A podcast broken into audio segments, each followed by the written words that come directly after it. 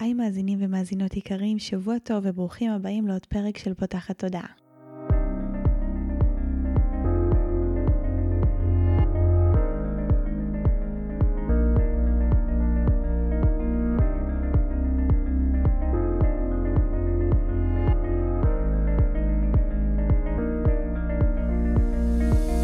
זו הפעם הראשונה שלכם כאן, פותחת הודעה היא תוכנית שנועדה להעביר רעיונות, לאתגר תפיסות קיימות ולפתוח את צורת החשיבה האוטומטית שנהוגה אצל כולנו לכל מיני כיוונים חדשים במטרה להכניס לחיים שלנו יותר כלילות, שלווה, זרימה, אהבה, קרבה וחופש, גם במערכת היחסים שלנו מול עצמנו וגם במערכות יחסים נוספות. אני ניצן אלפסי, אני המנחה של הפודקאסט הזה ואני מאמנת תודעתית ומלווה תהליכי העצמה אישית בעזרת כלים מעולמות התמודע, האנרגיה והרוח, ובפודקאסט הזה אני גם מראיינת וגם מדברת בעצמי על כל מיני נושאים שמעניינים אותי, מסקרנים אותי ואני חושבת שהם בעלי ערך וצריכים להגיע גם לאוזניים שלכם.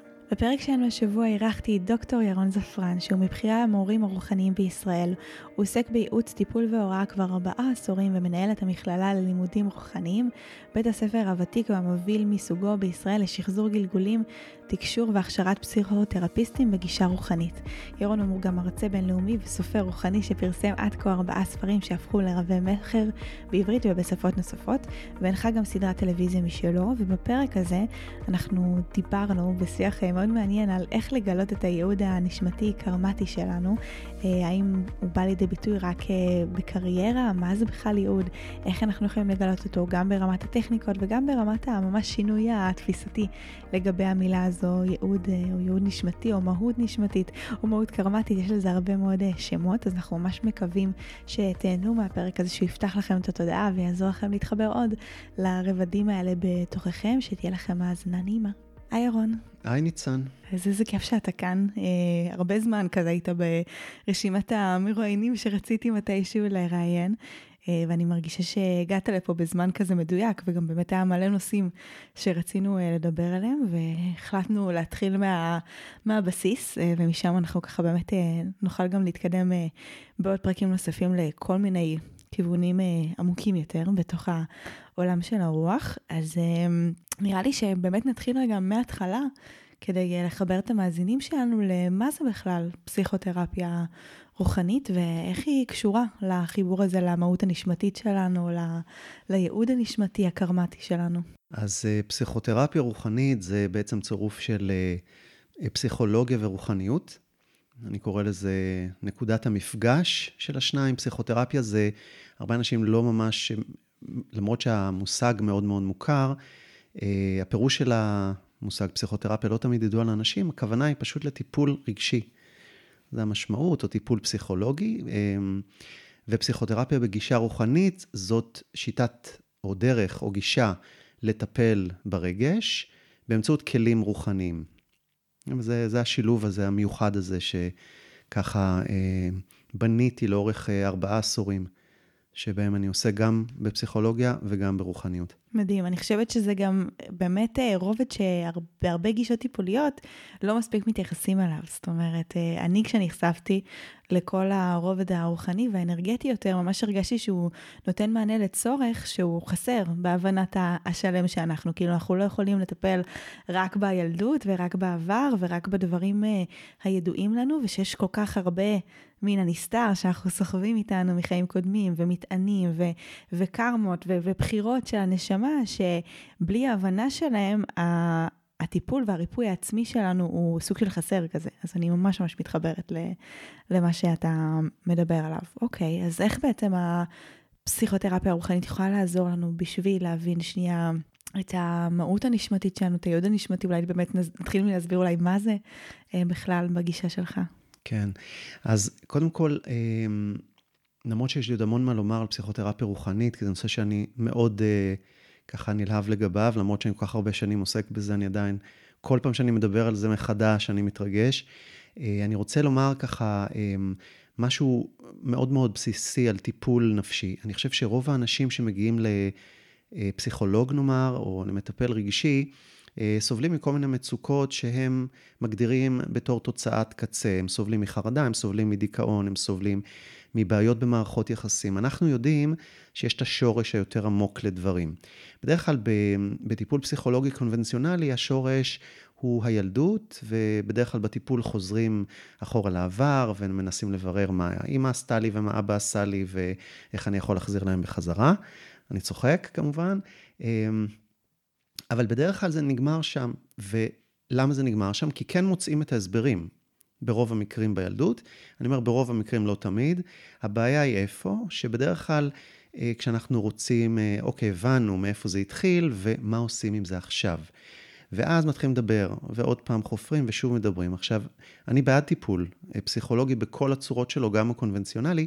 אני רק יודע שהמון אנשים יוצאים מטיפול לפעמים אחרי שנה או שנים, ואומרים, וואלה, אני מבין את עצמי נהדר, אבל אני לא ממש פתרתי את הבעיות שבגללם באתי.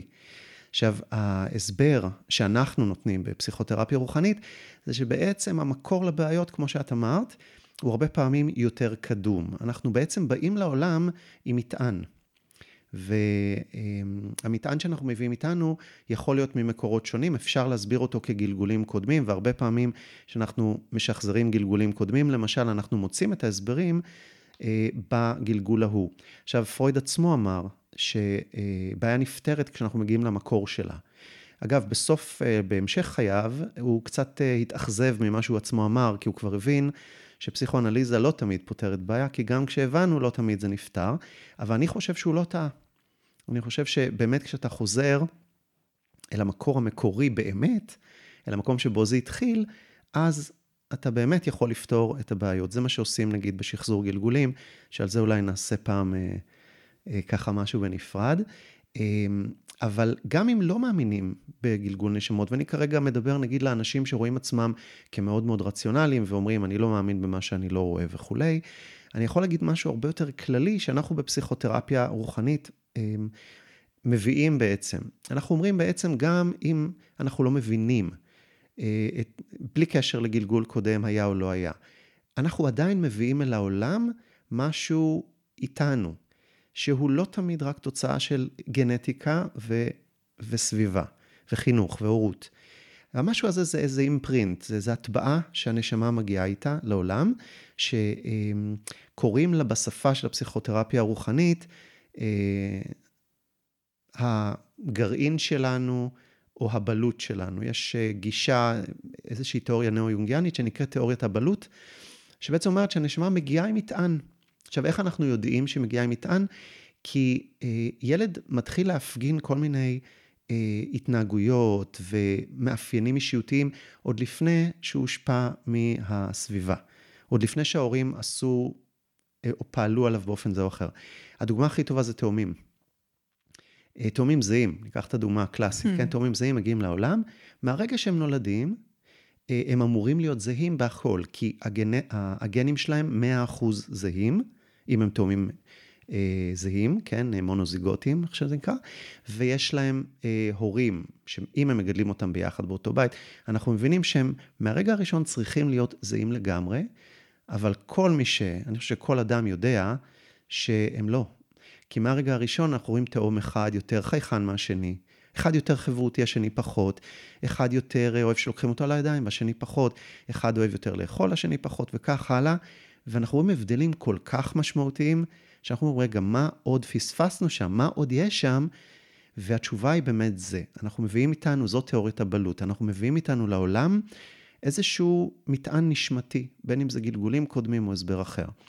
והמטען הנשמתי הזה שאנחנו מבינים, מביאים, הוא מטען שאף אחד לא יודע מהו. אנחנו לא מגיעים עם הוראות הפעלה, אנחנו לא מגיעים עם חוברת מצורפת, אמ, וההורים הם בקטע הזה באמת בבעיה, כל הורה. כי הם לא יודעים בעצם, הם קיבלו חבילה, בלי הוראות, והם עכשיו צריכים לדעת איך להפעיל את המכשיר. ואז מה הם עושים? הם עושים את המיטב שהם יכולים, אבל לא תמיד המיטב שהם יכולים זה מה שהילד זקוק לו. וזו התוצאה, התוצאה של זה הרבה פעמים שאנחנו גדלים עם תחושה שאנחנו לא ממומשים, שאני לא במקום הנכון לי, שאני לא בעבודה או העיסוק הנכון לי, שאני במערכת יחסים הלא מדויקת לי, ואני אומר, מה עשיתי, מה אני אמור לעשות אחרת? אז פה אנחנו מדברים בעצם על, ה, על המטען הקרמטי הזה, או הייעוד הנשמתי, ואפשר להגיד את זה גם הפוך. אפשר להגיד ייעוד קרמטי ומטען נשמתי, וזה יהיה נכון גם. אנחנו בעצם מביאים איתנו לעולם משהו, ואנחנו רוצים להבין בעצם איך אני יכול להפעיל את המכשיר שהוא אני באופן מיטבי. וזו המטרה של טיפול פסיכולוגי בגישה רוחנית, להבין את הבלוט שלי ואיך להשתמש. אני אביא דוגמה, כי mm. אני עד עכשיו דיברתי על זה ואולי קצת מופשט. אה, נגיד שהבלוט שלי הוא בלוט של עץ, אה, לא יודע, נגיד עץ אלון, אוקיי? אה, אני צריך תנאי גידול מסוימים, ואם ההורים שלי, נגיד, יש להם בלוט שהוא איזה מין זרע של כיסוס, נגיד, הם נורא אוהבים צל והם נורא אוהבים... והם חושבים באופן טבעי שגם אני זקוק לאותו דבר.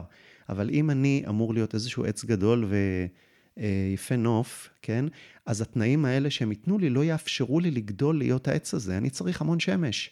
אני צריך הרבה יותר מים ממה שהם חושבים שאני צריך.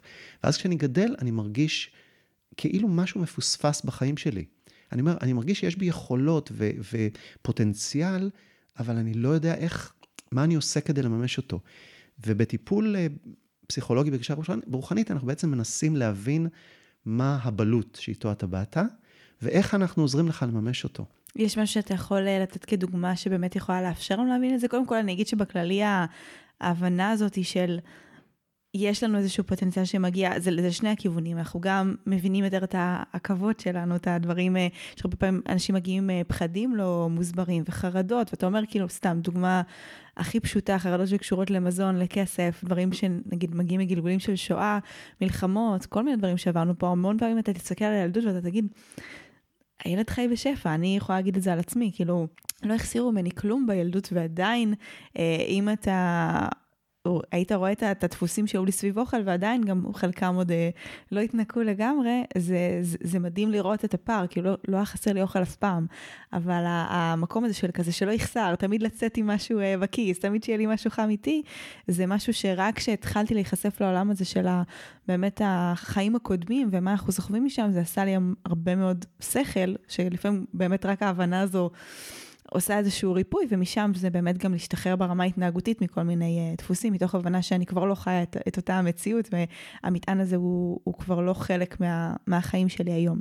אבל uh, מעבר באמת לה, להקלה המאוד גדולה שזה נותן, uh, מאוד התחברתי למה שאמרת על ההבנה הזו, כי יש בזה משהו נורא גם... מנחם אולי בזה שיש הרבה אנשים שמסתובבים עם התחושה הזו שיש להם פוטנציאל גדול ובלתי ממומש. זו אולי התחושה הכי מתסכלת שיש. כאילו, אני פוגשת המון נשים כאלה שמסתובבת עם המקום הזה של אני יודעת שבאתי לעשות פה משהו גדול, אני יודעת שיש לי יכולות, אני יודעת שאני מסוגלת לעשות דברים, אבל כאילו... משהו בי לא פורץ החוצה, ו- והדוגמה הזו של הבלוט היא דוגמה מאוד מאוד יפה.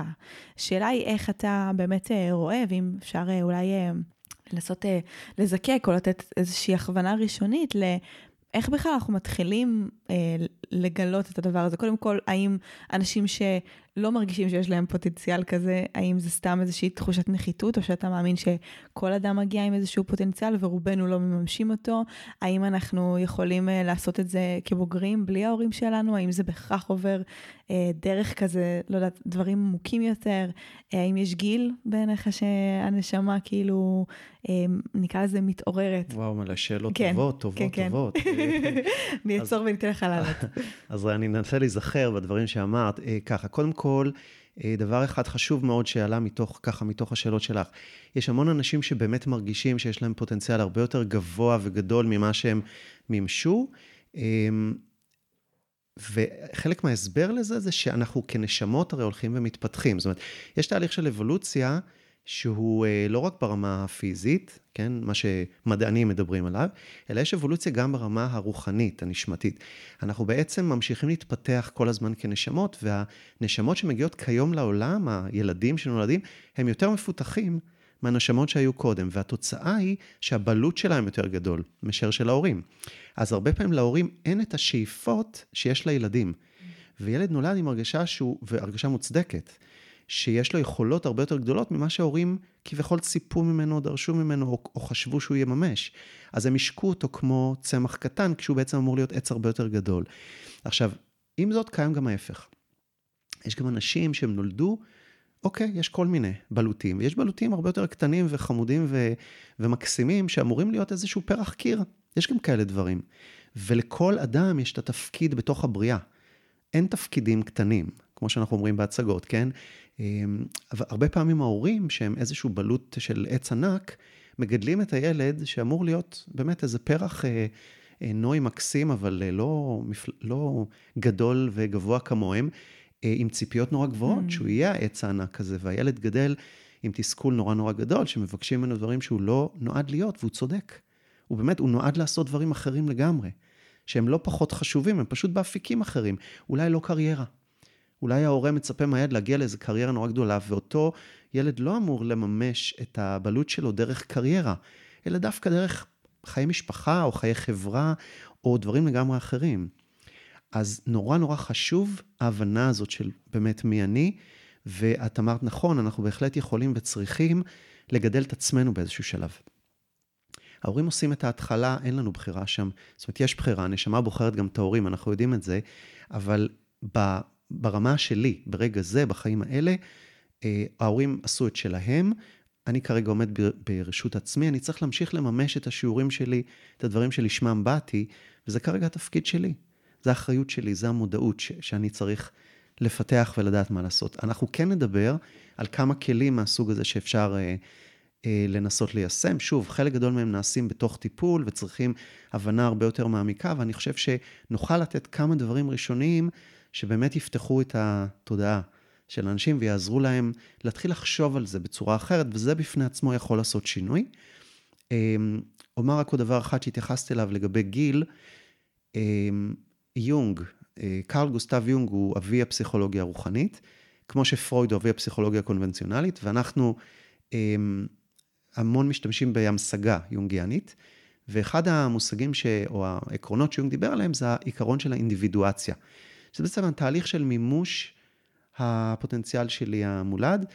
אה, יונג אמר שיש משהו שנקרא אה, אגו, אנחנו מכירים את המושג היטב, ויש מושג שנקרא עצמי, סלף.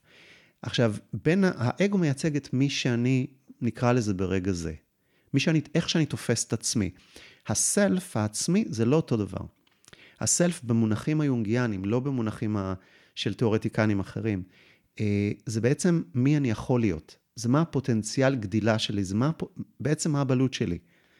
המרחק בין מי שאני כרגע, בין האגו, לבין מי שאני יכול להיות, העצמי, המרחק הזה קרא לו אה, קרא לו יונג תהליך האינדיבידואציה. וזה המסע, המסע שאנחנו בעצם עוברים בלהפוך להיות מה שאנחנו יכולים להיות. כל הטיפול בפסיכותרפיה רוחנית מוכוון ללעזור לי לעשות את תהליך האינדיבידואציה, לעשות את הדרך בין מי שאני תופס את עצמי כרגע למי שאני יכול להיות ואני אפילו לא יודע את זה. ודרך הכלים האלה אנחנו מנסים לברר מה אני יכול להיות ולעודד את עצמי להגיע לשם. עכשיו, יונג טען שתהליך האינדיבידואציה מואץ אחרי גיל 40. עכשיו, אני חושב שזה היה נכון לתקופתו. Hmm. Uh, היום אנחנו רואים שהתהליך הזה קורה משלבים הרבה הרבה יותר מוקדמים. אנשים בשנות ה-30 בשנות ה-20 ואפילו לפני, כבר מתחילים את התהליך הזה בצורה מואצת הרבה יותר מפעם. אני ממש מסכימה, אני יכולה להגיד שאני מתעסקת, אני בת 28 ואני, יש לי עסק כבר מגיל 23, והדבר הזה בער בי מגיל אה, מאוד צעיר, ואני רואה את, את אחי הקטן, שכאילו אה, כמה הוא, הוא רק כזה השתחרר, וכמה הוא כזה נורא רוצה גם למצוא את עצמו, ואני אומרת, רגע, נשמה, כאילו תרגיע, זה הכל בסדר, ו... אבל, אבל אני גם זוכרת אותי, ואני מבינה שככל שה... דורות מתקדמים, וה, והנשמות שמגיעות לפה הן הרבה יותר בשלות כבר, הוא יליד שנות האלפיים, אומרים שיש שם באמת איזושהי קפיצה כזאתי, אז אה, הוא יליד שנת 2001, אז זה ממש כבר המקום הזה של, הם כבר מגיעים נורא נורא מוכוונים למקום הזה, אה, אבל זו גם שאלה, כי אני הרבה פעמים יוצא לי להגיד לא, על המקום הזה של יש גם כבוד לתהליך ויש גם בשלות, אבל אולי זה באמת התפיסה שלי בתור ילידת 1990, שאנחנו מוכוונים קצת אחרת בהסתכלות, אז זו נקודה ממש מעניינת. יש לי כזה מלא דברים, אני מנסה כזה לתפוס כל השאלות שלי ולא לא לשכוח את מה שרציתי להגיד, אני רק אה, רוצה שנייה לשים באמת זרקור על מה שאמרת, אה, מכמה כיוונים, כאילו גם... uh, העניין הזה של הפוטנציאל, אני חושבת שזה באמת גם עניין שככל שאנחנו מתרחבים תודעתית, אז אנחנו גם מסכימים לתפוס יותר מהפוטנציאל שלנו. זאת אומרת, אחד הדברים שאני שמה לב אליהם זה ש... אני אקרא לזה החלומות, השאיפות שלי, איפה שראיתי את עצמי בחיים, אה, בגיל נניח 23 שהתחלתי, הם הרבה יותר קטנים ממה שאני רואה את עצמי עכשיו. זאת אומרת, אני חושבת שככל שאנחנו גם צועדים בדרך, החלק האנושי שלנו מסכים, או הוא, הוא כלי יותר רחב להכיל יותר מהאור הנשמתי הזה, או האלוהי, כמו שנקרא לו.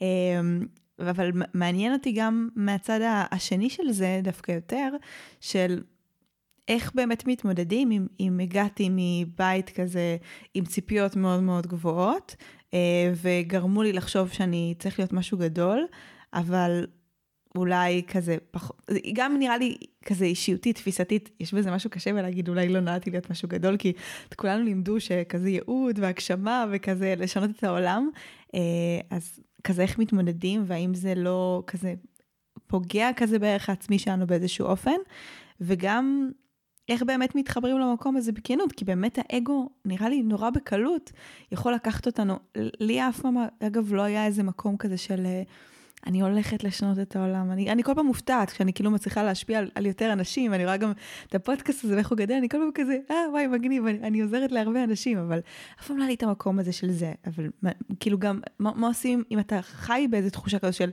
כן, אני צריך להיות כמו הורים שישנות את העולם, להשפיע על מלא אנשים, ובפועל הייעוד שלי הוא הרבה יותר... אה, נישתי, אני אפילו לא רוצה לקרוא לזה מצומצם, אבל אה, איך, נכון. מת, איך מתמודדים עם הפער, ואיך יודעים מה באמת. אז uh, עוד פעם, את נוגעת בדברים נורא משמעותיים. אני חושב שהמון אנשים היום חיים בתחושה של מין uh, לחץ פנימי כזה, להגיע, לממש, להשיג. עכשיו, אנחנו נורא, נגיד, אני חושב על זה כמטפל, אני נורא בדילמה, מטפל וגם כאבא, אוקיי? כי אני, אני מסתכל על זה נורא אמביוולנטי. מצד אחד, אנחנו רוצים לעודד אנשים באמת לעשות את המקסימום ולהגיע הכי רחוק. מצד שני, אולי הם באמת לא... נועדו לעשות את הדברים האלה, לא כולם נועדו לעשות הכל. ואנשים גם באמת הולכים למקומות שהם עם ציפיות נורא גבוהות, כמו שאמרנו, להציל את העולם, לעשות שינוי שכאילו להביא איזה בשורה, להביא איזה... וזה באמת לא העניין, אנחנו כולנו איזה חלק מקוליות, ואנחנו צריכים לזכור, זה משהו יותר באמת ברמת. ההתפתחות התודעתית, להבין שאנחנו בסופו של דבר עובדים ביחד. זאת אומרת, למרות שכל אחד מאיתנו רואה את עצמו כמישהו שצריך לממש את עצמו, כן? וקצת לבד בעולם במובן הזה, אנחנו לא. זאת אומרת, אנחנו ברמה הרוחנית, אני אומר, אנחנו כולנו עושים מסע ביחד. המסע הוא משותף, ואנחנו לא צריכים אינדיבידואלית להציל את העולם. אנחנו צריכים לחבור. נקרא לזה משפחת האנושות, כדי לעשות את התהליך ההתפתחותי שכולם מדברים עליו. האנושות צריכה לעבור המון. המון. ואנחנו היום בתקופה נורא קריטית, אני לא אכנס למקום הזה, כי זה באמת לא הנושא שלנו היום, אבל יש את הלחץ האינדיבידואלי שלנו להשיג תוצאות כקולקטיב. זה מה שאני אומר. זה כאילו כל אחד מאיתנו לוקח אחריות של כלל העולם. ובפועל אנחנו יכולים להיות הרבה פחות שאפתניים מזה. זה מותר לנו. מותר לנו באמת לעשות את, ה, את ה, מה שאנחנו אמורים לעשות בקצב שלנו, בדרך שלנו. אם אנחנו אמורים להגיע לאיזה מקום נורא נורא גדול ולהנהיג אומות, אנחנו נגיע לשם. אבל אנחנו לא צריכים, הלחץ הזה הוא לא נכון. כן, הוא, הוא איזשהו סוג של הפעלת, מייצר אצלנו סטרס שהוא מיותר. אה, עכשיו, לגבי העניין הנישתי, תראי, לכל אדם בסופו של דבר יש תפקיד, אנחנו כולנו, אני לא רוצה להגיד את זה כברגים במערכת, כי זה בדרך כלל עם קונוטציה לא טובה, כאילו אני בורג, מי רוצה להיות בורג? אני רוצה להיות המערכת הפעלה. אה, אבל גם מערכת הפעלה היא בורג, בתוך משהו גדול יותר. אז יש פה איזה מקום של להיות צנוע. זאת אומרת, פשוט לטפח איזה צניעות שהיא משהו שהוא אה, אתגר, בעיקר לדור החדש. לטפח איזו צניעות קיומית כזאת, של, שהיא גם מקלה בסופו של דבר. כי מה, אתה לא צריך לקחת על עצמך את הכול. נכון, זה המון סטרס. אני חושבת שזה מאוד מתחבר לי למקום הזה, גם מה שסיפרתי על אחי, אבל אני גם רואה את זה אצלי, כאילו, הרבה פעמים... המקום הזה שנורא רוצ... כאילו, אנשים נורא מפחדים מהחוסר מימוש הזה, מהמקום הזה של, אה, אולי גם לדבר על זה, של כאילו, אוקיי, אם אני לא אממש את הפוטנציאל הנשמתי שלי, אני אענש, זה כאילו, גם הרבה פעמים מדברים על זה, שבסוף הנשמה רוצה להסליל אותנו במסלול מסוים, ואם אנחנו לא הולכים בנתיב הזה, אז היא, היא, היא, היא תחזיר אותנו אליו, ולפעמים אם לא נהיה קשובים זה יהיה כואב, אז יש כאילו הרבה לחץ סביב המקום הזה של להרגיש שלא מימשנו את עצמנו, או לא הבאנו את הפוטנציאל שלנו, וזה באמת יכול להכניס להרבה מאוד אה, אה, סטרס שהוא גם מיותר, אבל גם שאלה נוספת שעולה לי מתוך המקום הזה, זה גם... איך יודעים שמצאת? כי יש פה באמת כל כך הרבה רבדים על רבדים, אני אתן דוגמה אישית אצלי, דיברת על המקום הזה של להנהיג אומות ודברים כאלה, אז uh, אני מאוד יכולה להתחבר לזה, זה לא שכאילו, לי בפוטנציאל המספרי שלי, uh, אם אתה מתחבר ככה לנומרולוגיה, אז, אז אני יוד אחד, וזה יוד נורא כזה מנהיג. ואני נורא מסתכלת על מערכת יחסים שלי עם המילה מנהיגות, כי אני מצד אחד, ברור שאני מובילה אנשים, אבל מצד שני אני מאוד בגישה גם של... אנחנו הולכים ביחד את הדרך, אני איתכם, אני לא איזה מורה רוחנית שכזה תלכו אחריה ו, ודברים כאלה, וזה המון פעמים שאלה כזו שנשאלת, כמה מזה מגיע בגלל שבגלגולים קודמים שפגשתי, הייתי מנהיגה ונכוויתי מזה ממש, אז כאילו יש לי איזה מערכת יחסים מורכבת עם המילה הזו מנהיגות. כמה מזה זה באמת הצניעות הזאת שאולי חשוב שתישאר, כאילו איך בעיניך מוצאים, בגלל שאנחנו מורכבים מכל כך הרבה רבדים ושכבות, את, ה, את האמת הזו, את, ה, את המקום המזוקק הזה שבאמת מצליח לתפוס את הגודל שמיועד לו ואת התפקיד שמיועד לו. אני חושב שהדרך הכי נכונה לעשות זה, אני יכול, נגיד, לתת את התשובה הכללית, אבל היא אף פעם לא תהיה התשובה הנכונה לכל אדם בנפרד. כי יש אנשים שנועדו לעשות ככה ויש אנשים שנועדו אחרת. אה, אני כן אגיד משהו על זה שלא רק העבר משפיע על מי שאנחנו היום ועל השאיפות שלנו, אלא גם העתיד. ומה אני מתכוון העתיד? הדבר הזה שדיברתי עליו קודם, הסלף, העצמי הגבוה, הבלוט, כן, מה שאני נועדתי להיות שאני לא יודע, אה, הוא לפעמים מושך אותי, זה כאילו העתיד זורק לי חבל ומושך אותי אליו. ואני לפעמים מרגיש את הלחץ הזה מהעתיד, ממה שאני עשוי או אמור להיות. אבל יש גם לפעמים בלבול עם, ה, עם, עם איזשהו עתיד קולקטיבי יותר, כמו שאמרתי קודם, האנושות היום בשלב נורא משמעותי של ההתפתחות שלה, ואנחנו כרגע באיזה האצה. יש האצה, הכל מאיץ כרגע, כמו ההתפתחויות הטכנולוגיות שקורות מ, מרגע לרגע, והן מאיצות, כך גם ההתפתחות הרוחנית, אבל היא, אבל היא לא אישית לי, היא של כלל האנושות, ואני לא צריך, אני תמיד צריך לזכור שלא אני אחראי להתפתחות של, של כלל האנושות. אני כן אגיד, כמו שאמרתי קודם, שנורא חשוב להכיר את התהליך האישי. ואת התהליך האישי אנחנו בעצם מכירים בתוך אה, קונטקסט של אה, פסיכותרפיה רוחנית, בין אם הוא טיפול שנעשה על ידי מטפל, או, או טיפול אישי, נקרא לזה, עצמי. תהליך התפתחותי שאני עובר. עכשיו, ה, יש מגוון דרכים היום, יש המון המון כלים. זאת אומרת, העידן הזה הוא, הוא עידן שיש בו איזו התפוצצות ענקית, מפץ גדול של המון כלים תודעתיים. המון שיטות טיפול, המון גישות טיפוליות, המון תיאוריות, המון, אמ, המון דרכים. ואין דרך אחת טובה. לכל אדם יש את הדרך שלו, וכל אחד מוצא את הדרכים, ולרוב שילוב, כי יש לנו כזה שפע שאנחנו רוצים לטעום מהכל, אז אנחנו ככה עושים לנו איזה mix and match כזה, של כל מיני כלים, וכל אחד לומד מה עובד עבורו, למשל מיינדפולנס, זה אחד הכלים הכי, אמ, הכי בסיסיים בטיפול בפסיכותרפיה רוחנית, וזה כלי שאני מאוד מאוד ממליץ עליו לאנשים. אמ, היכולת להתבונן, פשוט להתבונן, לעצור ולהתבונן, לשאול את כל השאלות, אבל לא לחכות לתשובות. זאת אומרת, אה, להעלות את כל השאלות האפשריות, את כל הלבטים, ואז זה לעצור, ופשוט כאילו להקשיב, להקשיב, להקשיב פנימה ולהקשיב החוצה. והתשובות יגיעו. עכשיו, הן לא תמיד יגיעו באופן שאני מצפה ולא מתי שאני מצפה, אבל אני חושב שעצם היכולת להקשיב מרגיעה קצת אה, ונותנת פרספקטיבה, ופתאום חלק מהשאלות איכשהו מתיישבות מעצמן. אה, עבודה עם דמיון מודרך, זה כלי שאנחנו עובדים בו המון המון בתוך אה, פסיכותרפיה רוחנית. יש המון תהליכים ודרכים שבאמצעותם אנחנו פוגשים את העצמי הגבוה. לדוגמה, אני אתן ככה, יש אה, כלי אחד שאנחנו, שאני מלמד אותו נגיד בקורס של הכשרת פסיכותרפיסטים בגישה רוחנית, אה, אנחנו קוראים לזה החכם על ההר. עכשיו, זאת, אה, זה בעצם תהליך מונחה שבו התלמידים או המטופלים,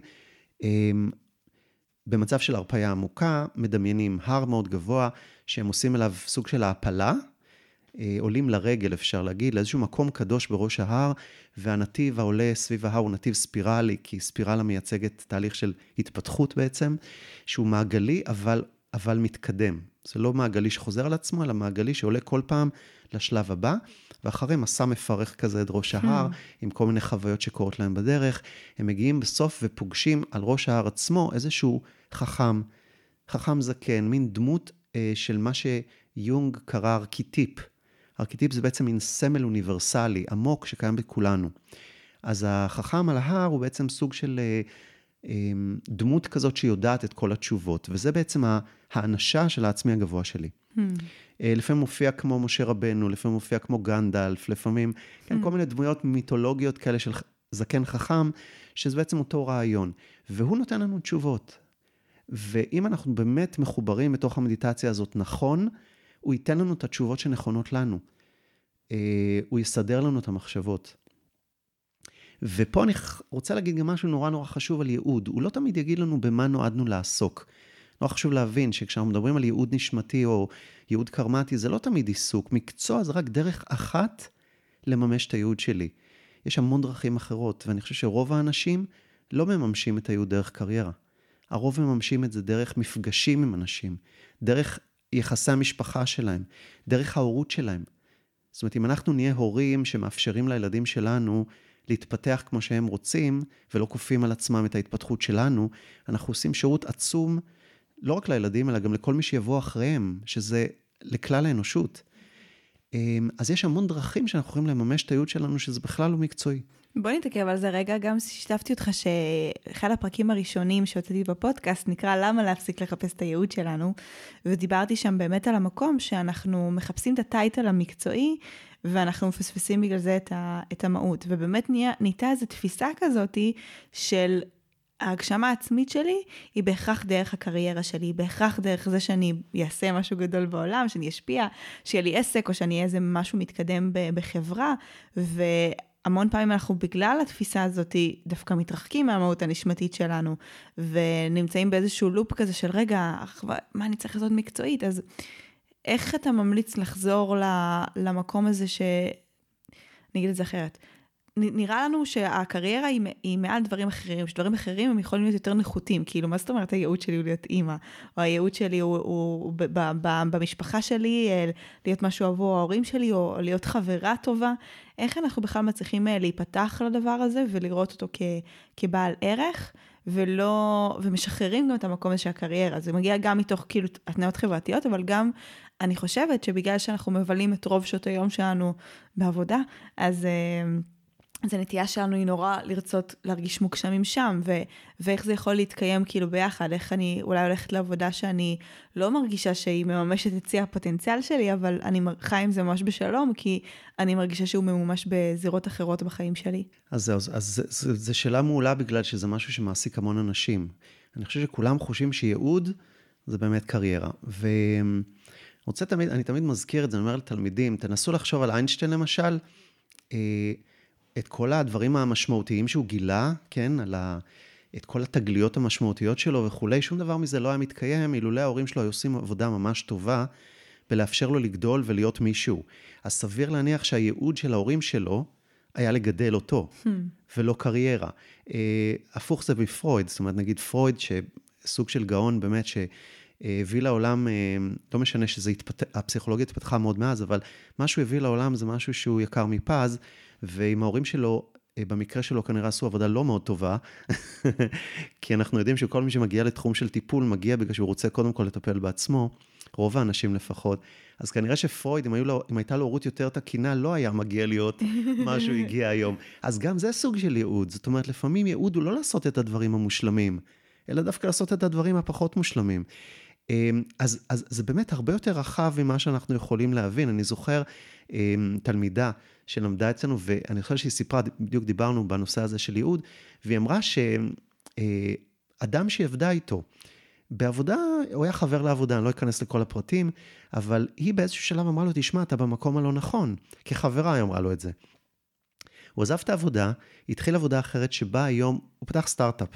היא פשוט עודדה, זו הייתה חברת הייטק, היא עודדה אותו לצאת לדרך עצמאית, הוא נורא פחד, וכחברה היא עודדה אותו, הוא פתח סטארט-אפ שעשה שינוי גדול בעולם. אני עוד פעם משאיר את השמות כן. אה, ככה זה. ובעצם חלק מהייעוד שלה, זה לא הדבר היחיד, אבל חלק מהייעוד שלה זה היה להיות חברה טובה למישהו בעבודה. זאת אומרת, היא כן מימשה את עצמה דרך העבודה, אבל לא דרך העיסוק. אלא בכלל דרך קשר חברתי בתוך העבודה. זאת אומרת, אנחנו נוגעים באנשים, ורוב הייעוד שלנו בא לידי ביטוי דרך, לידי מימוש, דרך הקשרים הבין-אישיים שלנו, דרך הנגיעה שלנו באנשים אחרים, ואנחנו לפעמים עושים את זה בלי שידענו בכלל. חלק גדול מהדברים הכי משמעותיים שנעשה בחיים, אנחנו בכלל לא יודעים ולא נדע שעשינו. ואני חושב שכשמבינים את הדבר הזה, אז פתאום יש פרספקטיבה אה, הרבה יותר גדולה. אה, עבודה זה הרבה, אבל זה לא בהכרח מה שאני עושה באופן רשמי בעבודה שיש לו את החשיבות הכי גדולה. ואגב, גם אז, אני, אני יכול לחשוב על, אה, על רופאים שעזרו למטופלים הרבה יותר דווקא דרך משהו אישי ולא דרך התרופה שהם נתנו להם.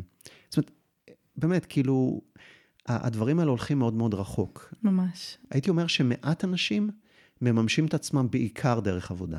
אני אגיד את זה ככה. אני יכולה גם להגיד שהמון פעמים, בלי לשים לב, בגלל ה over עיסוק בקריירה, אנחנו מזניחים את מערכות היחסים בחיים שלנו, שזה אבסורד, כי אני רואה את זה בשני אופנים, גם קודם כל זה שמדברים על זה שמערכות יחסים זה המנבא מספר אחד לאושר, יותר מהגשמה, יותר מכסף, יותר מהכל, בסוף מה שגורם לאנשים להיות הכי מאושרים זה, זה טיב מערכות היחסים בחיים שלהם, שזה נקודה ממש ממש חשובה.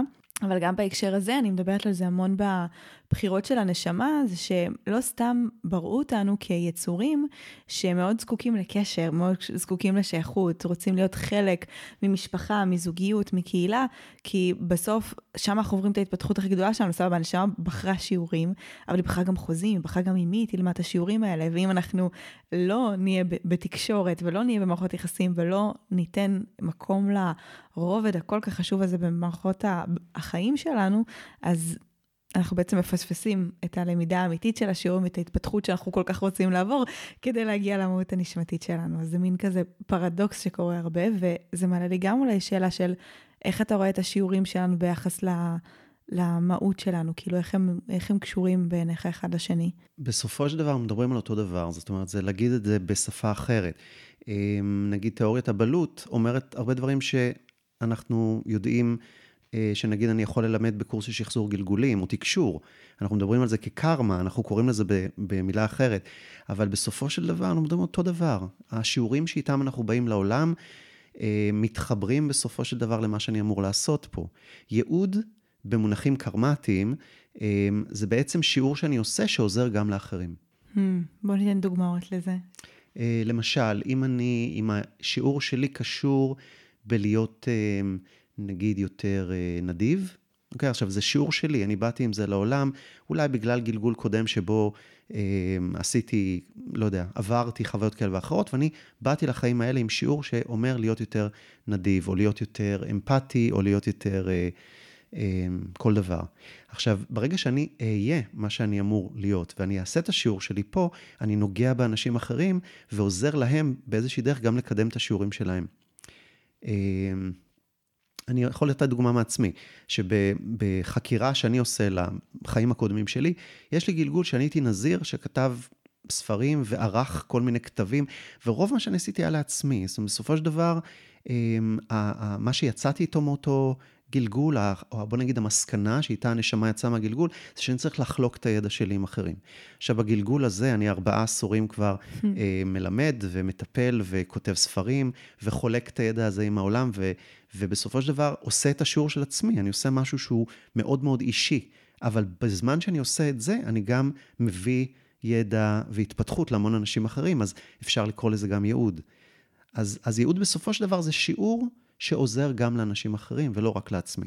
ואז אנחנו מבינים גם שכמעט כל שיעור ייעוד במובן הזה. לגמרי, וזה גם אולי נקודה ממש טובה, למה שדיברנו מקודם, שכאילו ייעוד זה לא בהכרח הקריירה, כי המון אנשים חושבים שהדרך היחידה באמת להשפיע על אחרים זה ללכת להיות איזשהו מנטור, או לעשות איזה משהו כזה שמשפיע על הרבה אנשים, אבל לצורך העניין גם אה, ספר שגורם לאנשים להרגיש יותר יפות עם עצמם, הוא לגמרי נותן איזושהי מתנה שמשפיעה הלאה, ומורה אה, בבית ספר, וכאילו כל כך הרבה אנשים שהם לאו דווקא באמת יהיו בפרונט, או האנשים שהם כזה, עכשיו דיברנו על זה, על אה, באו להנהיג אומות. מקומות, אבל עדיין בדברים המאוד יומיומיים, מכינים אוכל טעים, עוזרים לאנשים אה, לאהוב, אה, לא יודעת, כל מיני דברים שחסויים אצלם.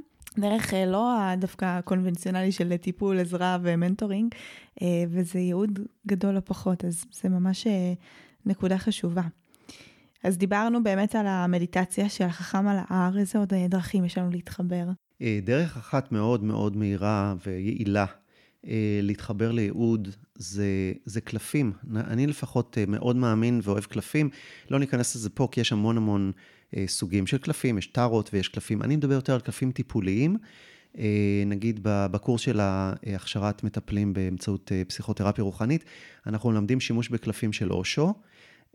כי אושו זה דמות נורא ככה צבעונית, והסימבולים של הקלפים הם נורא עשירים, אבל לפני זה לימדתי סוג אחר של קלפים, קלפים יונגיאניים, שקראו להם Psycard, זאת אומרת, יש כל מיני, כל מיני סוגים של קלפים, הקלפים הם פשוט דרך לייצר אירועים סינכרונים, ואולי דרך זה אני גם אתייחס mm. לנושא של אירועים סינכרונים. מה, זה, מה הרעיון בעצם של שליפת קלף? זה שאני מוציא קלף ואני מניח שהוא לא מקרי. זאת אומרת שהשליפה היא לא אקראית. אה, עכשיו, אנשים הרבה פעמים אומרים, כן, אבל תוציא עוד פעם תשלוף, אז יצא קלף אחר וכולי. זה נכון, אבל הקלף האחר עדיין לא יישלף באופן אקראי, וגם הוא יכול להיות נכון, אין אמת אחת. אה, מה שנורא נורא חשוב כשאנחנו עושים אה, שליפה של קלפים למטרה של בירור הייעוד, זה להתמקד על, המת... על השאלה, על מה אני רוצה בעצם מהקלפים.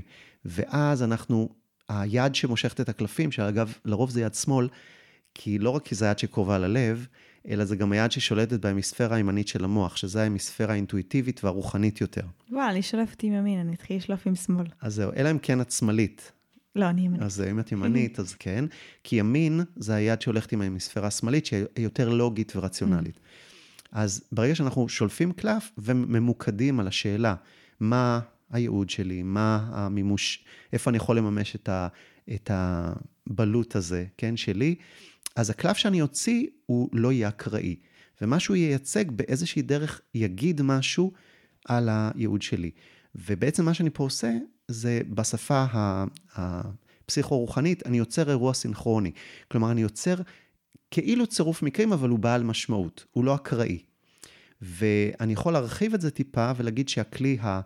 אה, הנוסף שאנחנו עובדים איתו המון, זה לשים לב לאירועים בעלי משמעות בחיים שלנו. המון אנשים מודעים לזה שדברים לא קורים במקרה. עכשיו, המון פעמים אנשים, בעיקר אנשים שיש להם איזו מודעות רוחנית, יגידו, שום דבר לא קורה במקרה, ואני חושב שהם חצי צודקים בזה. אה, דברים לא קורים במקרה, זה נכון, אבל להגיד ששום דבר לא קורה במקרה, אני קצת פחות מאמין. אני חושב שאם אתה מכוונן לשאלה, או למה שמעסיק אותך, מה שאתה רוצה לדעת, או מה שחשוב לך להשיג בחיים, אז באמת דברים לא יקרו במקרה. אבל כשאתה לא מכוונן, שאתה חי את חייך באיזושהי, לא יודע, מין אה, לימבו כזה, ומין אה, מה שקורה קורה, ומה שיבוא יבוא, אז אין את הדבר הזה של ההתכווננות, ואז אירוע סינכרוני לא יכול לקרות. ואז זה לא נכון יהיה להגיד שמה שקורה צריך לקרות. זאת אומרת, על מנת שאנחנו נוכל לזמן לעצמנו אירועים שייתנו לי תשובות לשאלות או יכוונו אותי, אני צריך לשאול את השאלות הנכונות, לצאת לעולם עם שאלה. אה, אנחנו עושים איזשהו תהליך בקורס שנקרא ריפוי בתקשור, שאנחנו מלמדים במכללה. אנחנו עושים תהליך שנקרא vision quest. אני אסביר מה אנחנו עושים, ואולי אנשים יוכלו לעשות את זה גם, ככה לפחות להתנסות. אה, vision quest זה מושג שלקוח משמניזם, בחברות, אה, נגיד אינדיאניות, היו שולחים את המתבגרים ליער כדי למצוא תשובות לגבי מה הם, מה הם אמורים לעשות עם חייהם. בעצם הם יפגשו את ההדרכה הרוחנית שלהם, אה, את ה-spirit guide. ואנחנו היום עושים את זה בגרסה עירונית ומודרנית. תלמידים יוצאים מהמכללה, יוצאים מהבניין, כל אחד עם שאלה, אל הרחוב. פשוט אל הרחוב, כולם חוזרים אחרי חצי שעה עם תשובות לשאלות שלהם. Hmm. עכשיו, זה מדהים איך זה קורה. הסיפורים שהם מספרים אחר כך הם, הם מסמרי שיער לפעמים. הם לפעמים הולכים ופשוט עובר, עובר לידם מישהו, שנגיד מדבר בטלפון, והם שומעים רק משפט, חלק ממשפט, אבל החלק מהמשפט שהוא אמר זה בדיוק התשובה לשאלה. אה, במקרים אחרים, אה, הם יכולים לשמוע שיחה בין שני אנשים באותו, באותה צורה. לפעמים עובר רכב לידם, איזה רכב גדול עם פרסומת עליו, והפרסומת בדיוק עונה לשאלה שלהם. אה, לפעמים זה אפילו עוד יותר קסום. אני שמעתי, אני אספר ככה סיפור שסיפרה אה, היועצת לימודים במכללה, שמה אסנת, היא עשתה את כל הקורסים, והיא עצמה ירדה החוצה, ב, וכשהיא חזרה מה, מה vision quest בחוץ, היא סיפרה שהיא עמדה על אי תנועה, וניגש אליה הומלס. עכשיו, הומלסים בדרך כלל מבקשים אה, כסף, ההומלס הזה נתן לה תשובה לשאלה שאיתה יצאה. ככה. Hmm. אמ, והיה בחור אחד, שזה אחד הבאמת הסיפורים הכי מדהימים, הוא עמד בחוץ, היה קצת רוח, זה היה מין חורף אז, והייתה קצת רוח וגלגלה ל, ליד הרגל שלו פתק אה, נייר מקומט. הוא יודע שבזמן שהוא ב vision quest כל דבר יכול להיות בעל משמעות, אז הוא הרים, פתח את הפתק, הייתה כתובה שם התשובה לשאלה שלו. מדהים. עכשיו הוא חזר ואמר, רגע, סליחה, אוקיי, הכל אני מבין, אבל מי כתב את הפתק? הרי מישהו היה צריך לכתוב את זה איפשהו. אה, הוא כנראה כתב את זה בהקשר לגמרי אחר, אבל אנחנו רואים בדיוק איך אירועים מסתנכרנים כשאני מכוונן לשאלה שלי. זה מדהים, אני חושבת שסינכרוניות זה אחד הדברים שהכי מרגשים אותי בעולם של הרוח. אני רוצה לשאול אה, עבור המאזינים שלנו שתי שאלות אה, שנראה לי יכולות לעלות להם בזמן שהם מאזינים לנו. אחד, האם יש דרך אה, שאתה ממליץ לנסח את השאלה? אני אתן גם האינפוטים שלי אולי, ואיך אני רואה את זה, גם יצא לנו לדבר על זה בפרק אה, השנה לפודקאסט, שעסק כולו בנושא הזה של מסרים, אה, וגם איך אתה בעיניך לא מגיע עם ה... כאילו, מה קורה אם אנחנו יוצאים עם הציפייה הזו ב vision quest, לקבל תשובה, ואנחנו לא מצליחים לזהות אותה, או שהתשובה לא מצאה חן בעינינו, או שאנחנו כבר לא מצליחים מרוב ההתערבות של ה mind להבין מה מתוך זה זה תשובה ומה מתוך זה זה לא, כי אני מאמינה ש... כשאנחנו משחררים שאלה ליקום, גם חייבת להיות אה, הסכמה להתמסר ולא להיות באיזשהו חיפוש אה, אובססיבי, וגם לפעמים עצם שזה תחום בזמן, נראה לי יכול לייצר גם קצת לחץ לאנשים, של כאילו, אוקיי, יש לי עכשיו חצי שעה, או כמה זמן שאמרת, שמשהו כזה מאוד גדול צריך להתגלות, וזה גם הרבה פעמים מייצר כזה סטרס שנראה לי יכול לחסום כזה את התשומת לב לזה. אז אה, איך היית ממליץ לגשת לזה? אני הייתי נותן אה, ככה שלושה טיפים לניסוח של שאלה. אמ, קודם כל, אמ, השאלה חייבת להיות אה, שאלה של אה, הכוונה ולא של אה, ניבוי, או להגיד מה יקרה. זאת אומרת, אף פעם אנחנו לא נצא עם שאלה של האם אני אזכה להיות מלכת אנגליה, אוקיי? אלא אנחנו נשאל איזושהי שאלה כמו, אמ, מה מתאים לי להיות, כן? או, או איך אני מממש את, ה, את הייעוד שלי. דבר נוסף, אנחנו בדרך כלל נבחר שאלה שהיא לא שאלת כן או לא, אה, כי בדרך כלל זה מאוד סוגר ותוחם. ודבר אה, נוסף, אנחנו נשאל שאלה אחת בכל פעם, כי לפעמים אנשים כל כך רוצים לקבל תשובות להמון דברים, שהם שואלים בו זמנית כמה דברים, ואז הם לא יודעים אם הסימן שהם קיבלו מתייחס לאיזה חלק של השאלה. אז זה ככה שלושה דברים, יש עוד דברים, עוד שיקולים, אבל זה השלושה הראשונים והמשמעותיים ביותר. מעולה, ואיך אה, לא נכנסים ללחץ מזה שיש לנו חצי שעה עכשיו לקבל אה, תשובה, ובאמת נשארים פתוחים ולא כזה באובססיה על כל דבר? אני יודע שנגיד אני, אני סיפרתי קודם על התרגיל שאנחנו עושים בזמן הקורס, אבל נגיד כשאני משתמש בשיטה הזאת בעצמי, אני לא תוחם את עצמי בזמן, אלא אני פשוט שואל את השאלה וממשיך את היום-יום שלי. ואני מקבל את התשובה, זאת אומרת, היא לפעמים מגיעה מיד, היא לפעמים מגיעה חצי שעה אחרי, היא לפעמים מגיעה בהמשך אותו יום. אה, זה לא מגיע שבועות אחרי, זה בדרך כלל באיזשהו פרק זמן סביר, וכשהתשובה מופיעה, אני פשוט יודע את זה. זה מין, כי היא עונה בצורה נורא מדויקת לשאלה, אי אפשר לטעות בזה. אם אתה לא בטוח שזה ענה לשאלה, זה כנראה לא התשובה. אבל כשהתשובה תגיע, היא תכה בך. ואז אתה גם לא תוכל להתכחש לה, לא תוכל להגיד, אה, טוב, אה, בוא נחכה לתשובה יותר טובה. Hmm. התשובה הראשונה, שלגמרי מרגישה שעונה לשאלה, היא התשובה.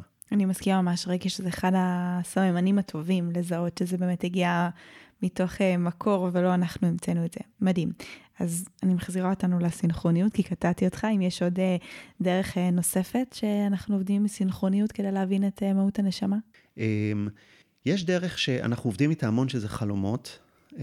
אמנם זה לא, עוד פעם, זה, זה יכול לחשב גם כסינכרוניזציה, כי הרבה פעמים כשאנחנו עסוקים במשהו מופיע חלום. למרות שהחלומות הם נושא בפני עצמו, ו... ונושא חשוב, ו... וכלי מאוד מאוד משמעותי בשביל לעבוד עם העצמי הגבוה.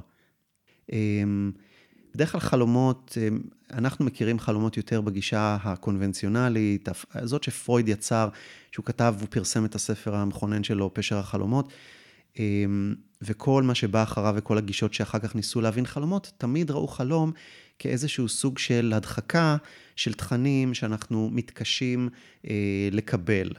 אה, ה mind שלנו, או נקרא לזה יותר המודע שלנו, הוא יותר ביקורתי ואנליטי ומושפע מתכתיבים חברתיים, ולכן תכנים, למשל מיניים או אגרסיביים, לפעמים לא מצליחים להתקבל אה, טוב בחלק המודע, ולכן הלא מודע אה, ככה מחליק לנו אותם דרך החלומות.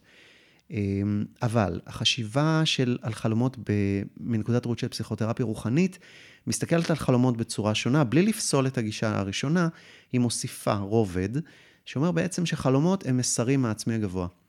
ואם אני אהיה קשוב לחלומות, אני אוכל להבין הרבה מאוד דברים לגבי עצמי ולגבי מה נועדתי לעשות ולהיות, ו- ואיך לעשות את זה גם.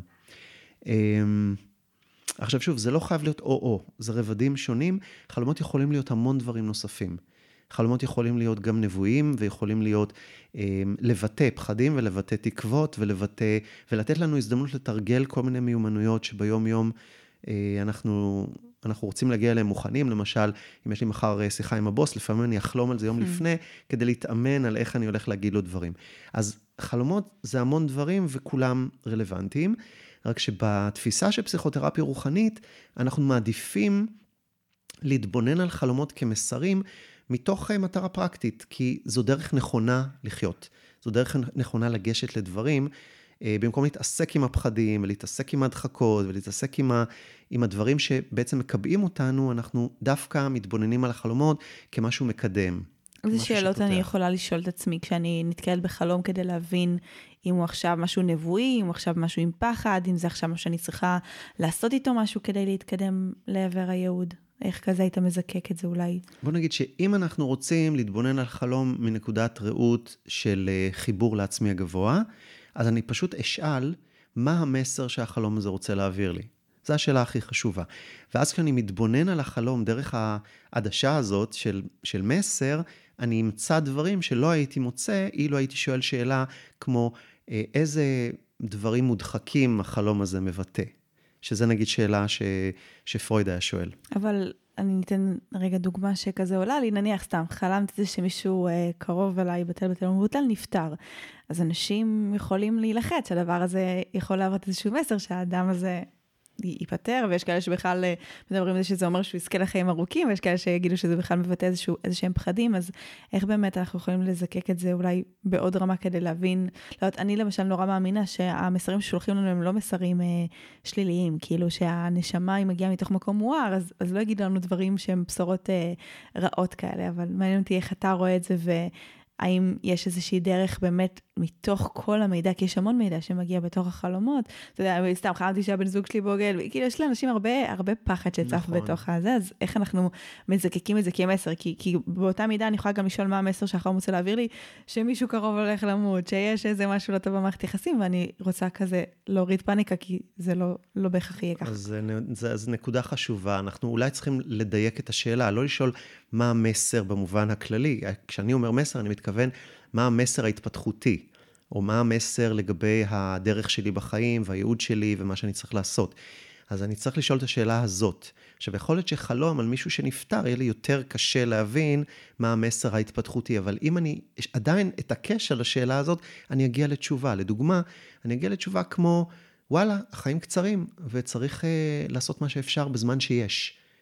כלומר, אפשר לראות את זה גם ככה. נכון. אמ, גם על הבן זוג, זה יכול להיות כזה, אוקיי, יש לי איזשהו שיעור שקשור לאמון, או יש לי כל מיני פחדים שקשורים לזה, שיש לי איזושהי הזמנה לעשות עליהם עבודה. אמת. ויש גם מין משהו שהוא חצי, כאילו נחשב לחצי בדיחה בחוגים של מטפלים, שאומרים, מטופל יונגיאני חולה בחלומות יונגיאנים. עכשיו, אה, מה זה בעצם בא להגיד? זה בא להגיד שאנחנו במובן מסוים, לא רק החלומות מעבירים לנו מסרים, גם אנחנו מעבירים מסרים לחלומות. ואני יכול לכוון... אה, חלומות לתת לי תשובות אם אני חושב בצורה הזאת. זאת אומרת, אם אני אפרש את כל החלומות שלי דרך, בפרספקטיבה של מסרים רוחניים ומסרים להתפתחות שלי, אז גם אם בהתחלה הם היו חלומות מסוגים אחרים, הם ילכו ויהיו יותר ויותר חלומות מהסוג הזה, כי לזה אני קשוב. אה, אני אנסה לתת אולי דוגמה לחלום ולאופן ששונה לפרש אותו. זה חלום של מטופל שהיה לי, אני היום כבר לא מטפל, אני אומר את זה למען המאזינים שאולי mm-hmm. יפנו בעניין הזה, אני לא מטפל באופן אישי. אמ, אבל בתקופה שטיפלתי, היה נגיד מטופל שהגיע אליי אחרי שהוא היה בטיפול קונבנציונלי, והיה לו איזשהו חלום חוזר. ובחלום הזה הוא הולך לאיבוד ביער. ואיזושהי אישה, הוא, הוא פוגש אישה באיזשהו מעבה היער, והיא מכוונת אותו איך לצאת החוצה, אבל הוא לא כל כך, התחילה אה, לתת לו הנחיות וזה, והוא כאילו מסתכל עליה באיזה חוסר אמון של, אה, וואלה, אולי את מובילה אותי רק יותר עמוק אל תוך היער. עכשיו, המטפלת שהייתה לו הקודמת, שהייתה קונבנציונלית ו- ומאוד חשבה ככה, חשיבה, הדרך המקובלת לפרש חלומות, אמר לי, שמע, די ברור, אתה פוחד ל- ללכת לאיבוד בסבך של מערכות היחסים שלך בחיים, אה, ויש לו זוגיות מאוד טעונה. עם, מבחינת אמון, יחסי אה, האמון מאוד התערערו עם אשתו. זאת אומרת, כמובן שזה העניין, אתה פשוט לא בוטח בה, והנה, היא מנסה להראות לך את הדרך, ואתה כבר לא מאמין לה, אתה רק חושב שהיא הולכת לסבך אותך יותר. עכשיו, כשהוא הגיע לטיפול איתי, אמרתי לו, תראה, אנחנו יכולים לפרש את החלום ככה, אבל בוא ננסה הסתכלות שונה. אה, ופרסתי בפניו את המשנה היונגיאנית, של הפסיכותרפיה הרוחנית, ואמרתי, תראה, היער מייצג על פי יונג את הלא מודע. אה, זו המשמעות המקובלת שלו, אבל לא במובן רק של פחדים ואי ודאות, אלא גם במובן של קסמים. בתוך היערות תמיד קורה קסם, תראה את כל האגדות. תמיד מופיעים שם שדונים ופיות, וכל הדברים הטובים קורים. במקום הזה נולדים השינויים, נולדת ההתפתחות שלך. דרך אתגרים אנחנו מתפתחים. אה, והאישה הזאת, לפי, עוד פעם, לפי התפיסה היונגיאנית, יש את המושג שנקרא אנימה. אנימה ואנימוס, כן? אה, האנימוס זה החלק הגברי באישה, ואנימה זה החלק הנשי בגבר, אבל בתפיסה היונגיאנית, האנימה היא גם המדריך שלנו בנבחי הלא מודע. והנה, ב, ב, ב, בתוך הלא hmm. מודע מופיעה הדמות של האנימה, והיא רוצה לכוון אותך החוצה, אבל אתה חושד בה. ובעצם המסר של החלום, תן אמון בקול הפנימי שלך. תסמוך על הקול הפנימי שלך, הוא ידע להוציא אותך מתוך, ה, אה, מתוך הסבך. עכשיו, זה דרך שונה להתייחס לאותו חלום. ההבדל העיקרי הוא פה שיש אופטימיות. הפסיכותרפיה הרוחנית היא נורא אופטימית, היא נורא מאמינה בכוחות של האדם, בחוזקות שלו, ואנחנו יודעים שכשנבואה מגשימה את עצמה, שאתה מאמין במטופל שלך, הוא מוצא את הכוחות בתוך עצמו. אה, וזה נכון גם למטופל הספציפי הזה, שלא שהחלום הזה לבד עשה את השינוי, אבל זה היה חלק מרצף של דברים שנתנו לו המון המון כוחות ואמון בעצמו, הוא עשה שינויים נורא דרמטיים, כולל במערכת הזוגית שלו. מדהים, אז אנחנו יכולים לקחת מזה גם את המקום הזה של לפרש לכיוון האופטימי יותר, אה, וגם באמת לשים לב למה חוזר, כי אם יש חלום שחוזר באופן קבוע, אז כנראה שזה מסר חשוב ואנחנו צריכים אה, להתייחס אליו. חלומות חוזרים נחשבים לחלומות שאנחנו פשוט לא התייחסנו אליהם עדיין, והם ממשיכים, הם מדברים, הם צועקים כבר, כי אנחנו לא מקשיבים, אז, אז הם מנסים ככה לשים אותם, לשים לנו את עצמם מול הפנים, שלא נוכל לפספס אותם. חלום חוזר אומר, יש משהו שאתה צריך להבין, שעד שאתה לא תבין אותו, אני לא אפסיק לחזור, אומר העצמי הגבוה, כן? אני לא אפסיק לחזור על המסר עד שלא תבין. ולפעמים אנחנו גם רואים שינויים קלים בחלום, אני מאוד אוהב את זה, כי אז אתה רואה את הרמזים לאיך הוא מנסה לשים דגשים, כאילו מרקר, על כל מיני דברים, כדי שאני אשים לב למה שקודם לא שמתי לב. Nice. Nice. מגניב.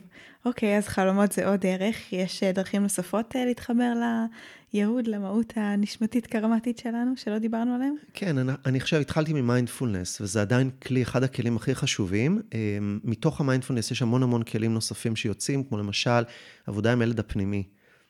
המון פעמים כשהיינו ילדים, אנחנו ידענו מה נועדנו להיות ומה נועדנו לעשות, ול, ו, ומה הדרך שהייתה, הדרך הנכונה עבורנו לעשות את זה, ואנחנו איבדנו קשר עם זה בגלל חינוך, בגלל סביבה, בגלל ציפיות. אם ההורים נורא רצו שתהיה מתכנת, אה, נגיד, אה, ושתכתוב קוד, אז גם אם אתה לפני זה נורא אהבת בעלי חיים, אתה איכשהו שם את זה הצידה, כי, כי כאילו זה לא מה ש... זה לא מה שהסביבה מכוונת אותך לחשוב שאתה אמור לעשות. אבל עוד פעם, וזה לא חייב להיות רק עיסוק, זה גם יכול להיות התחביב או הדברים שאתה עושה בזמנך הפנוי, גם זה מושפע מתכתיבים סביבתיים. אז uh, אנחנו לפעמים צריכים לחזור אחורה אל, ה, אל המקור, אל הכי קרוב לשלב שבו הסביבה עוד לא קלקלה אותנו, נקרא לזה ככה, mm-hmm. לא בכוונה, לא באשמתה, אבל עדיין עשתה את זה. ואנחנו עושים את זה דרך uh, כל מיני תהליכים של מפגש עם הילד הפנימי. נגיד בקורס הכשרה של הפסיכותרפיה, יש לנו, זה, זה בעצם מסלול שיש בו 15 קורסים וסדנאות קליניות וכל מיני כאלה, ואחד מהקורסים זה עבודת ילד פנימי. ואנחנו פוגשים את הילד הפנימי בהמון צורות, גם דרך דמיון מודרך, גם דרך כתיבה אינטואיטיבית, שזאת שיטה שגם מי שמקשיב לנו כרגע יכול לעשות ניסיון, אה, לשבת עם עט, עם עט ונייר, להחזיק את העט ביד הלא דומיננטית שלו, זאת אומרת, אם הוא ימני אז להחזיק ביד שמאל והפוך, ולתת ליד לכתוב את המסר שהיא רוצה, כשהמסר הזה הוא בעצם מסר מהילד הפנימי. ואני רוצה להסביר פה איזה עיקרון חשוב בפסיכותרפיה רוחנית. אנחנו לא מתייחסים למי שאני היום כיחיד. אני זה לא אחד, אני זה רבים. אנחנו מאמינים שבתוך כל אדם יש חלקים שונים. ואנחנו כולנו מכירים את הקונפליקטים שיש לנו בין כל מיני, חלק בי אומר ככה וחלק בי רוצה ככה. אני רוצה זה, אבל יש בי חלק שפוחד. עכשיו, זה חלקים, ויש בתוכנו מצבי עצמי שונים, ככה זה נקרא. אה, בצורות הקיצוניות של כבר הפתולוגיות, אנחנו כולנו שמענו על התופעה שנקראת ריבוי אישיות מרובה. פעם קראו לזה פיצול אישיות בטעות, זה לא, פיצול אישיות זה משהו אחר, אבל זה מצב שבו בעצם מצבי העצמי השונים הופכים להיות אה, עצמאיים. בגלל שהאגו מאוד חלש, האגו זה המנגנון שמחבר את מצבי העצמי השונים ונותן לנו תחושה שאנחנו יחידה אחת. וזה דבר חשוב, התחושה הזאת, אבל כשהאגו חלש מאוד ומתפרק, אז מצבי העצמי הופכים להיות עצמאיים, וכל אחד משתלט והופך להיות אגו לאיזשהו פרק זמן מוגבל. וזה רק הוכחה שיש בתוך כולנו גם במצב הרגיל והתקין, יש מצבי עצמי שונים. אה, והאגו מצליח להחזיק אותם ביחד, כן? אבל אנחנו צריכים להיות קשובים לחלקים השונים בתוכנו, והילד הוא חלק מאוד מרכזי בתוך כולנו. הילד זה בדרך כלל מישהו שהיינו בתור ילדים, ושהרבה פעמים לא אפשרו לנו או לא נתנו לנו לגיטימציה להיות. והוא הפך להיות איזושהי יחידה מבודדת בתוך עצמי, שממשיכה לשאת את התקוות והפחדים ולפעמים הטראומות שעברנו. והוא לפעמים מחזיק בשבילנו הרבה מאוד טראומות ו- וכמיהות ודברים כאלה, שאנחנו לא בקשר איתם כי אסור לנו להיות. הוא הופך להיות מה שקוראים בשפה אה, היונגיאנית אה, חלק צילי, צל, אה, שזה אומר חלק בי שאני לא מכיר בו. אז, אז המפגש עם הילד הפנימי הוא נורא חשוב, כי הילד יכול לגלות לי המון דברים על מה הכמיהות שלי ומה הדברים שאני רציתי להיות, ואני פשוט זנחתי והשארתי את זה, ככה השארתי את זה בעבר, אבל זה לא נשאר בעבר, זה נשאר בהווה, בתוכי, כחלק שהוא חלק דיסוציאטיבי, הוא חלק ממודר. חלק שאני מסרב להכיר בו כחלק ממני, ואז אני מסתובב בעולם ואומר, למה אני לא מרגיש שלם? למה אני לא מרגיש מאושר? למה, לא, למה אני מרגיש שיש משהו בי שאני לא, לא מצליח להיות בקשר איתו? מדהים, אני ממש מתחברת, אני גם חושבת שבאמת הילדים האלה, כמו שאמרת, הם מגיעים יותר נקיים ויותר מחוברים למהות שלנו, אז יש שם את המקום הכי נקי לשמוע את עצמנו. אני יודעת שאתה מתעסק בשחזור גלגולים, גם אמרת שזה באמת משהו שעשית הרבה מאוד שנים. איך זה מתקשר באמת, הגלגולים הקודמים, למהות שלנו פה? כי אנחנו מבינים שהמסע של הנשמה הוא, הוא, הוא לא רק הגלגול הזה, לפעמים אנחנו לוקחים את הגלגול הזה יותר מדי ברצינות, כשבפועל, וואו, זה מסע שנמשך על פני הרבה מאוד אה, שנים ו- וחוויות חיים. אז איך באמת הגלגולים הקודמים שלנו קשורים לתיקון שלנו, לייעוד שלנו, למה שבאנו לעשות כאן בעיניך? הגלגולים הקודמים בעצם נותנים לנו אה, איזושהי תמונה על המסע היותר ארוך שלנו, כי בסופו של דבר החיים האלה הם רק מקטע אחד במסע. ו, וחקירה של גלגולים קודמים, בצורה ש, ש, שאנחנו עושים אותה, לא נעשית לשם סקרנות, אלא יש לה מטרה טיפולית, בסופו של דבר, של לעשות מפה, לייצר מפה של הקרמה שלי, אה, של מסע הנשמה שלי, של התהליך הארוך והמתמשך שבו אני עושה את התהליך ההתפתחותי, שהחיים האלה הם בעצם רק שלב אחד בתוכו. אז אם אני עושה, אם אני משחזר גלגולים קודמים, אני יכול להבין בצורה נורא נורא ברורה ומוחשית, דרך זה שאני רואה ממש מה עברתי וחוויתי, אני יכול להבין בעצם מה באתי לעשות היום. אז אה, זו דרך קצת יותר ארוכה ללכת, אבל היא מאוד אמינה, כי היא נותנת לנו, היא מסדרת לנו את הסיפור כולו. אה, יש דוגמה שאנחנו יכולים לתת רגע כדי להבין רצף כזה של אה, נשמה? כן, אני חושב שנתתי קודם נגיד דוגמה אישית שלי, שנגיד אם היום, ה... נגיד אם אני מביא מתוך גלגול קודם שלי את חוויה שלי כנזיר, מתבודד, שעורך מגילות וכל מיני דברים מהסוג הזה, שכאילו הוא בעצם לא פוגש אנשים אחרים וחולק את הידע שלו, והוא, וכשאני סיימתי את הגלגול, אגב, בשחזור גלגולים אנחנו תמיד, בסיום הגלגול שאנחנו משחזרים, אנחנו נותנים לנשמה להתבונן על הגלגול שהיה ולהגיד מה היא מבינה. אה, ומה היא לוקחת מזה לגלגול הבא. עכשיו, זה בעצם תהליך שכל אדם עובר. אחרי המוות, הנשמה עוברת איזשהו תהליך של אינקובציה, אה, ועושה איזה עיבוד לחוויות שהיא עברה. ואני בעיבוד הזה הבנתי שאני צריך לחלוק את הידע. זה משהו שאני לא עשיתי, זה, זה תיקון שאני צריך לעשות בעצם.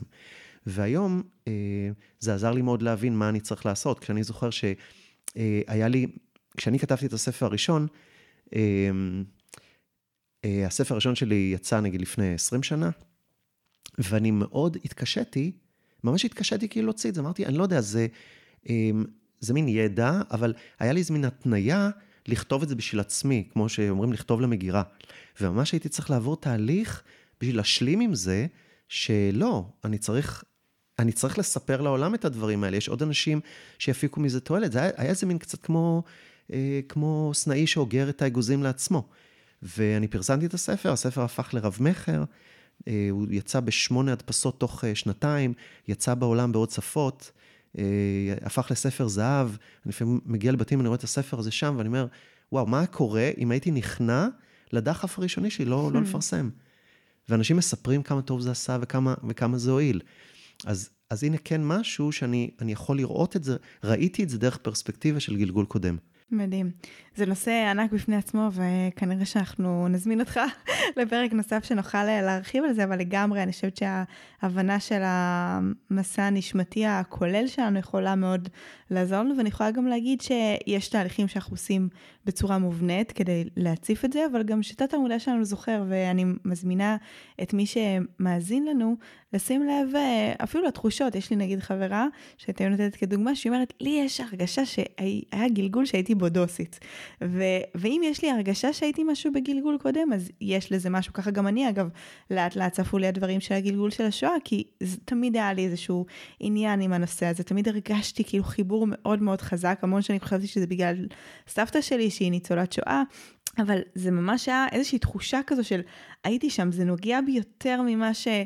הגיוני שזה, שזה ייגע בי רק ברמה ההזדהות הלאומית או ההזדהות המשפחתית, אמ, ותהיו קשובים גם לתחושות שלכם, כי המון פעמים גם החלק החלק הלא מודע, התת מודע הנשמתי שלנו מתחיל להציף למודע כל מיני רמזים וסימנים שקשורים לחיים הקודמים האלה, וזה לא מגיע רק בתהליכים של שחזור גלגולים, דרך דיון מודרך, או כל מיני טכניקות אה, נוספות ש...